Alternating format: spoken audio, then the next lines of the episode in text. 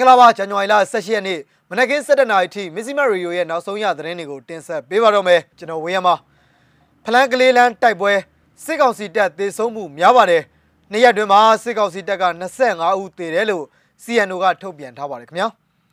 KNU တက်မှ1နဲ့9နယ်မြေအတွင်းမှာတော့နေ့တိုင်းလိုလိုတိုက်ပွဲတွေပြင်းထန်နေပါတယ်တိုက်ပွဲခြေနေဘယ်လိုရှိပါသလဲ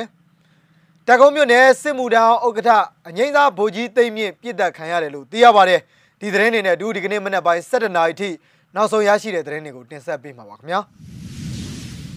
ပထမဆုံးအနေနဲ့တင်ဆက်ပေးခြင်းတဲ့သတင်းတစ်ပုဒ်ကတော့ချင်းပြည်နယ်ဖလန်းမြို့နယ်ဖလန်းကလေးကားလမ်းပေါ်မှာချင်းမျိုးသားကာကွယ်ရေးတပ် CNDF နဲ့အကြမ်းဖက်စစ်ကောင်စီတို့အကြားမှာတိုက်ပွဲတွေဆက်လက်ဖြစ်ပွားခဲ့ရာစစ်ကောင်စီတပ်ကတေဆုံးထိခိုက်မှုများခဲ့တယ်လို့ချင်းမျိုးသားအဖွဲ့ချုပ် CNO ကမနေ့ညကထုတ်ပြန်ပါတယ်ခင်ဗျာဇန်နဝါရီလ16ရက်ကဖလန်းမြို့နယ်ပါသက်ကျေးရွာနီမှာစစ်ကြောင်းထိုးလာတဲ့ အကြမ်းဖက်စစ်ကောင်စီတပ်ကို CNO လက်အောက်ခံတပ် CNDF ကခုခံတိုက်ခိုက်ရမှာစစ်ကောင်စီဘက်က18ဦးသေဆုံးပြီးဒဏ်ရာရရှိသူတွေလည်းရှိကြောင်းဖော်ပြထားပါတယ်ခင်ဗျာဇန်နဝါရီလ16ရက်နေ့ကဖလန်းမြို့နယ်ပါသက်ကျေးရွာအနီးစစ်ကြောင်းထိုးလာတဲ့အကြမ်းဖက်စစ်ကောင်စီတပ်တွေကို CNO လက်အောက်ခံ CNDF ကခုခံတိုက်ခိုက်ခဲ့ရမှာစစ်ကောင်စီတပ်ဘက်က18ဦးသေဆုံးပြီးဒဏ်ရာရရှိသူတွေလည်းရှိကြောင်းထုတ်ပြန်ချက်မှာရေးသားထားပါတယ်ခင်ဗျာအဲ့ဒီတိုက်ပွဲမှာတော့ CNDF ဘက်က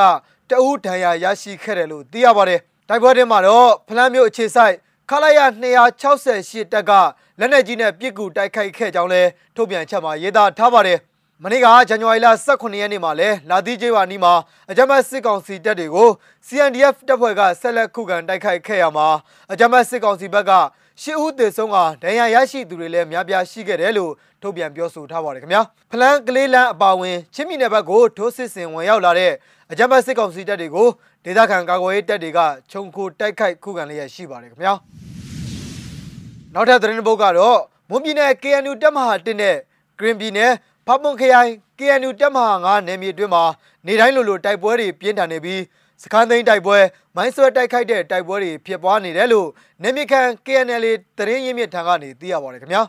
မနေ့ကဇန်နဝါရီလ18ရက်နေ့မှာမွန်ပြည်နယ်တထုံမြို့နယ်ပိနေတော်အလဲရွာဘုံကြီးကျောင်းမှာ အခြေချတက်ဆွဲထားတဲ့စစ်ကောင်စီတပ်ဖွဲ့နဲ့ BGF ပူးပေါင်းတပ်ဖွဲ့တို့ကို KNL တပ်ရင်းနှစ်ပူးပေါင်းတပ်ဖွဲ့တို့ကမိုင်းဆွဲတိုက်ခိုက်ခဲ့လို့စစ်ကောင်စီတပ်ဖွဲ့ဝင်ချို့တေဆုံးခဲ့တယ်လို့တပ်ရင်းနှစ်တပ်မှုတူကပြောပါတယ်ခင်ဗျာမနေ့ကမနေ့9နာရီချိန်လောက်မှာမိုင်းဆွဲတိုက်ခိုက်လိုက်တဲ့စစ်ကောင်စီတပ်ဖွဲ့ဝင်တွေကမနေ့ထပြီးတော့မျက်နှာတစ်ပြီးချက်ပြုတ်နေတဲ့အချိန်မှာပဲမိုင်းဆွဲလိုက်တယ်အနည်းဆုံးတော့6ဦးလောက်သေဖို့ရှိတယ်ထိခိုက်ဒဏ်ရာလည်းရှိမယ် အနားမှာကတ်လို့မရတော့အသေးစိတ်တော့မသိရသေးဘူးလို့အဲ့ဒီ KNL တပ်မှုကပြောပါတယ်ခင်ဗျာတိုက်ခိုက်မှုဖြစ်ပွားပြီးတဲ့နောက်အဲ့ဒီဘုံကြီးကျောင်းမှာသတင်းသုံးနေတဲ့ဘုံကြီးတွေကိုလည်းစစ်ကောင်စီတပ်ဖွဲ့တွေကအပြင်ကိုပေးမထွက်တော့သလိုဖုံးလည်းပေးမကင်တော့ဘူးလို့သိရကြောင်းအဲ့ဒီတပ်မှုကပြောပါတယ်အဲ့လိုမိုင်းဆွဲတိုက်ခိုက်ခံရတဲ့နေရာမှာတက်ဆွဲပြီးတော့နေထိုင်တဲ့စစ်ကောင်စီတပ်ဖွဲ့နဲ့ BGF အမှတ်1314ဘုံမောင်ချစ်လက်အောက်ခံပူပေါင်းအဖွဲ့ကပိနေတော်စခန်းအရန်တပ်ဖွဲ့ဖြစ်ပြီးတော့နေထိုင်တာလဲကြာပြီလို့ KNL တပ်မှုကပြောပါတယ်။ ဒါပြင်မနေ့ကညနေ4နာရီလောက်မှာလဲ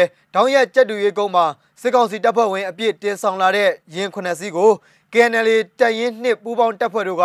မိုင်းဆွဲတိုက်ခိုက်တာကြောင့်ရင်တစည်းလုံးဝပျက်စီးသွားတယ်လို့သိရပါတယ်ခင်ဗျာ။မနေ့ကနေ့လေတနာရီလောက်မှာလဲဘီလင်းမြို့နယ်မဲပလီရွာမှာရှိတဲ့စစ်ကောင်စီအခြေစိုက်စခန်းမှာစစ်ကောင်စီရဟရင်တစင်းဆင်းသက်ခဲ့တယ်လို့ဒေသခံတွေကပြောကြပါတယ်ခင်ဗျာအဲ့ဒီရဟရင်ကတော့ KNU တပ်မဟာ9နယ်မြေမှာရှိတဲ့ မဲချုံနဲ့မဲပလီကြားကထိခိုက်ဒဏ်ရာရတဲ့စစ်ကောင်စီတပ်သားတွေနဲ့ BGF ပူးပေါင်းတပ်ဖွဲ့ဝင်တွေကိုလာရောက်တည်ယူတာဖြစ်နိုင်တယ်လို့အဲ့ဒီ KNL တပ်မှုကခန့်မှန်းပြောဆိုပါတယ်ခင်ဗျာပြီးခဲ့တဲ့ရက်ပိုင်းကလည်းအဲ့ဒီနေရာကစစ်ကောင်စီနဲ့ BGF ပူးပေါင်းအဖွဲ့ရဲ့တပ်စခန်းတစ်ခုကို KNL အမှတ်9တပ်ဖွဲ့ကတိုက်ခိုက်သိမ်းပိုက်ခဲ့ပြီးစခန်းကိုမိရှို့ဖျက်ဆီးခဲ့ပါတယ်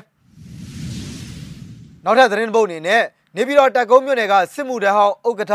အငိမ့်သားဗိုလ်ကြီးသိမ့်မြင့်ကတော့ဇန်နဝါရီလ18ရက်နေ့မွန်းလွဲပိုင်း3နာရီခွဲလောက်မှာနေအိမ်တွင်းမှာပဲပြစ်တက်ခံလိုက်ရကြောင်းတက်သတင်းရင်းမြစ်ကပြောဆိုပါတယ်တက်ကုန်းမြို့နယ်စစ်မှုထမ်းဟောင်းဥက္ကဋ္ဌအငိမ့်သားဗိုလ်ကြီးသိမ့်မြင့်ကတော့ဇန်နဝါရီလ18ရက်နေ့မွန်းလွဲ3နာရီခွဲမှာတနက်သမားချုပ်ကနေအိမ်ကိုဝင်ရောက်ပြီးတနက်နဲ့၄ချက်ပြစ်ခတ်ရမှာအငိမ့်သားဗိုလ်ကြီးသိမ့်မြင့်ပွဲချင်းပြီးသေဆုံးသွားတာလည်းဖြစ်ပါတယ်ခင်ဗျာအဲ့ဒီနောက်မှာတော့အငိမ့်သားဗိုလ်ကြီးသိမ့်မြင့်ပြစ်တက်ခံရမှုအတွက် အာသုဘနိုင်ကိုလာရောက်သတင်းမင်းနေတဲ့နေပြည်တော်တိုင်းမှုဗိုလ်ချုပ်ဇော်ဟိန်းလာရောက်ချိန်မှာလဲဘုံကွဲမှုထပ်မံဖြစ်ပွားကြောင်းဘုံကွဲမှုမှာလူထိခိုက်မှုမရှိဘဲဆိုင်ငယ်တချို့ပျက်စီးသွားကြောင်းသိရပါတယ်ခင်ဗျာတိုင်းမှုကနာရေးလာမေးတဲ့အချိန်မှာလဲနာရေးအိမ်သားမှာဘုံထက်ခွဲခံရသေးတယ်ဆိုင်ငယ်တချို့ပျက်စီးတယ်လူထိခိုက်မှုတော့မရှိပါဘူးလို့ဒေသခံသတင်းရင်းမြစ်ကပြောပါတယ် ဒီကနေ့မနက်ပိုင်းရဲ့နောက်ဆုံးသတင်းတစ်ပုဒ်အနေနဲ့ရွှေဘုံမြို့နယ်တဲကဆီယနာရှင်စန့်ကျင်ဖြုတ်ချရေးတပိတ်စစ်ကြောင်းတစ်ခုကိုလည်းဖွင့်ပြပေးကြပါရစေခင်ဗျာ